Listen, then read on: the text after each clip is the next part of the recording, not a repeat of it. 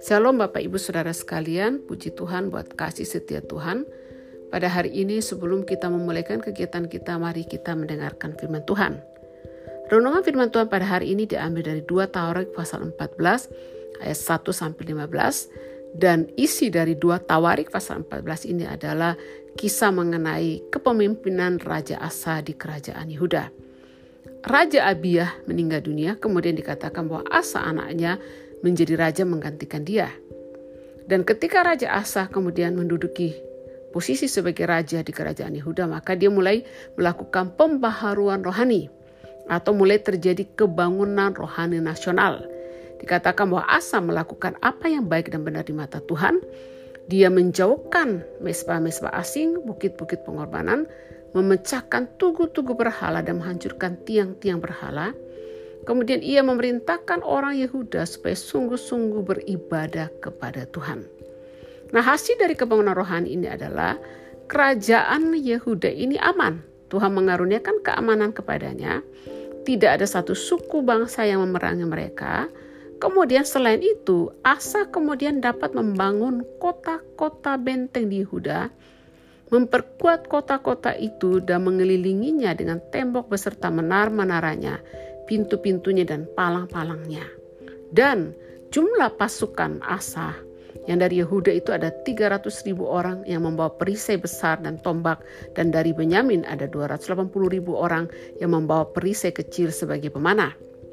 Nah kemudian satu waktu seorang yang bernama Serah orang Ethiopia itu datang menyerang seperti menantang untuk berperang melawan kerajaan Yehuda dan jumlah tentara dari Sera ini adalah satu juta dan jumlah kereta mereka adalah 300. Kemudian mereka sampai ke Maresa. Jadi bandingkan antara tentaranya Sera orang Otipia itu satu juta sedangkan tentaranya Raja Asa atau Kerajaan Yehuda hanya 280 ribu orang dan mereka tidak punya kereta. Kemudian mereka berperang di lembah Sefata dekat Maresa. Nah sebelum peperangan itu terjadi kemudian Asa mulai berdoa.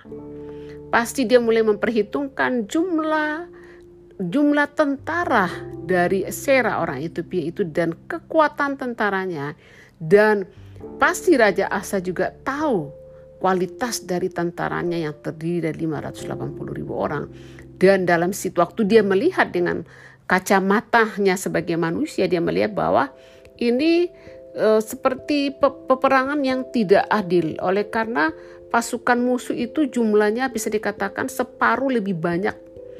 Mereka separuh lebih banyak daripada tentara orang Yehuda. Dan waktu Raja Asa melihat ini bahwa kalau melihat dengan kacamata duniawi, kacamata manusia, maka pasti mereka kalah. Tidak mungkin mereka menang melawan pasukan dari Sera ini. Dan akhirnya si Asa ini, Raja Asa ini berdoa dan dengarkanlah apa isi doa dari Raja Asa. Dia mengatakan begini, Ya Tuhan, selain daripada Engkau tidak ada yang dapat menolong yang lemah terhadap yang kuat. Tolonglah kami ya Tuhan Allah kami, karena kepadamu lah kami bersandar dan dengan namamu kami mau melawan pasukan yang besar jumlahnya ini. Ya Tuhan, Engkau Allah kami, jangan biarkan seorang manusia mempunyai kekuatan yang melawan Engkau. Jadi doanya Asa ini mengatakan bahwa mereka orang Israel atau orang Yehuda, kerajaan Yehuda ini tentaranya itu adalah dalam posisi sebagai orang yang lemah dan yang kuat itu adalah pasukannya dari Serah. Dan kemudian Raja Asa mulai mengatakan, Tuhan tolonglah hanya kepadamu lah kami bersandar. Dan dengan namamu kami maju melawan pasukan yang besar jumlahnya. Dan mengatakan, Tuhan engkaulah Allah kami. Jangan biarkan seorang manusia mempunyai kekuatan untuk melawan engkau. Dan Bapak Ibu Saudara sekalian, kita tahu bahwa akhirnya Tuhan turun tangan. Tuhan memukul kala orang-orang Ethiopia itu di hadapan Asah dan Yehuda orang-orang Ethiopia itu dikejar, mereka lari dan dikejar oleh Raja Asa dan laskarnya sampai ke Gerar. Semua orang Ethiopia ini bayangkan yang satu juta orang. Semua orang Ethiopia itu tewas. Kemudian setelah orang-orang Ethiopia tewas, kemudian orang-orang Yehuda memperoleh jarahan yang sangat besar dari orang-orang Ethiopia. Kemudian Raja Asa juga dan pasukannya mengalahkan semua kota di sekeliling Gerar karena ketakutan yang daripada Tuhan menimpa penduduknya.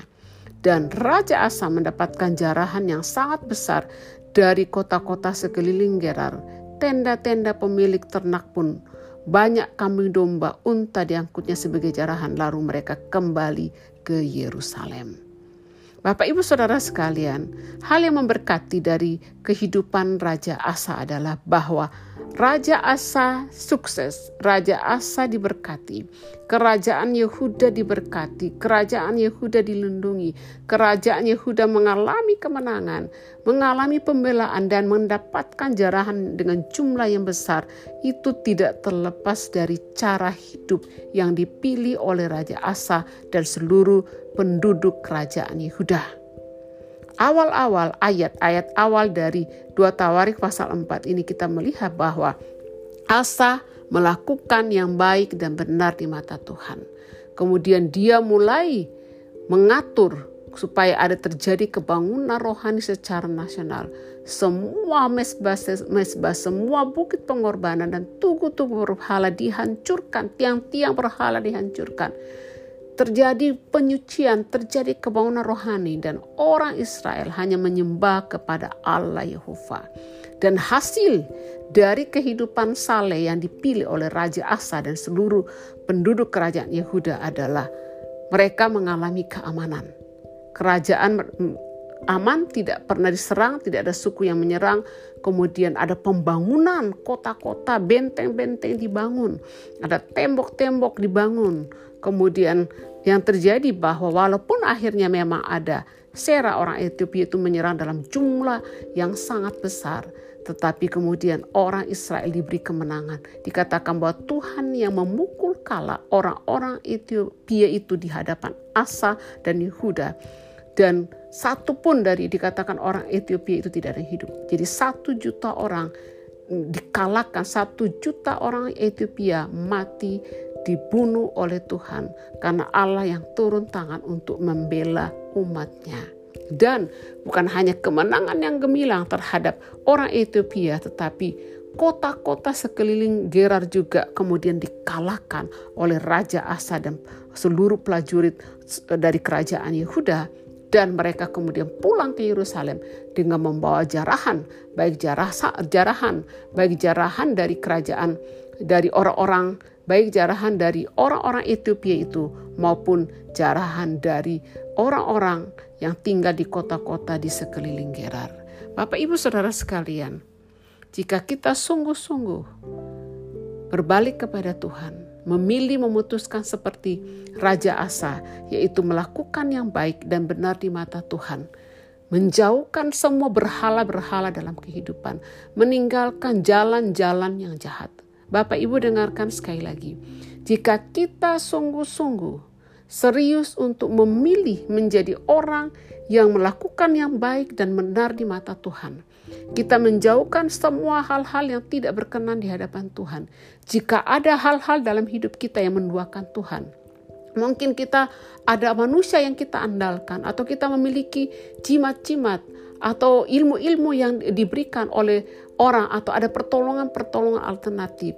Kalau masih ada dalam hidup kita, mari Bapak Ibu memutuskan untuk menyingkirkan semua berhala, semua hal-hal yang menjadikan Tuhan nomor dua. Jika ada jimat-jimat, ada kepercayaan-kepercayaan kepada nenek moyang, ada hal-hal yang kita andalkan selain daripada Tuhan. Kalau kita singkirkan itu, kita buang dan hanya berfokus kepada Allah, hanya menyembah Tuhan Allah satu-satunya, meninggikan Dia, memuji Dia, dan melakukan yang benar di mata Tuhan, melakukan perintahnya, menaati perintahnya, maka Bapak Ibu akan mengalami seperti yang dialami oleh Raja Asa dan Kerajaan Yehuda, bahwa hidupmu akan mengalami keamanan. Kalau ada orang yang menyerang kehidupanmu, Allah akan turun tangan untuk membela, Kemudian Allah akan memberkati juga engkau secara jasmani sama seperti Raja Asa bisa membangun kota-kota, membangun benteng-benteng, kota-kota benteng di Yehuda, membangun tembok-tembok.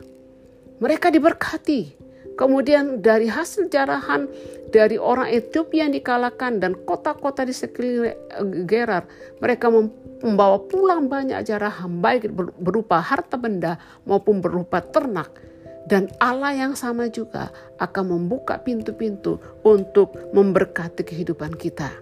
Bapak, ibu, saudara sekalian, jika Allah di pihak kita, maka jaminan keamanan, jaminan kemenangan, jaminan pembelaan, jaminan perlindungan akan menjadi milik kita. Jika Allah di pihak kita, maka jaminan berkat jasmani, apa yang menjadi keperluan kita, Allah akan cukupkan. Allah punya banyak cara untuk memberkati kehidupan kita. Allah punya banyak cara untuk membuka pintu-pintu untuk mencukupkan apa pun yang menjadi kebutuhan kita. Jika kita ingin mengalami kehidupan yang aman, mengalami pembelaan Tuhan, mengalami perlindungan Tuhan, mengalami berkat-berkat Tuhan dalam kehidupan kita, mari kita melakukan yang baik dan benar di mata Tuhan dan menjauhkan semua hal-hal yang tidak berkenan di hadapan Tuhan. Maka Bapak Ibu akan mengalami seperti yang dialami oleh Raja Asa dan seluruh kerajaan Yehuda. Tuhan memberkati Bapak Ibu Saudara sekalian. Mari kita menjadi orang-orang yang takut akan Tuhan dan hanya Tuhan yang kita sembah, tidak ada yang lain. Tuhan memberkati. Selamat pagi dan selamat beraktivitas. Shalom. thank you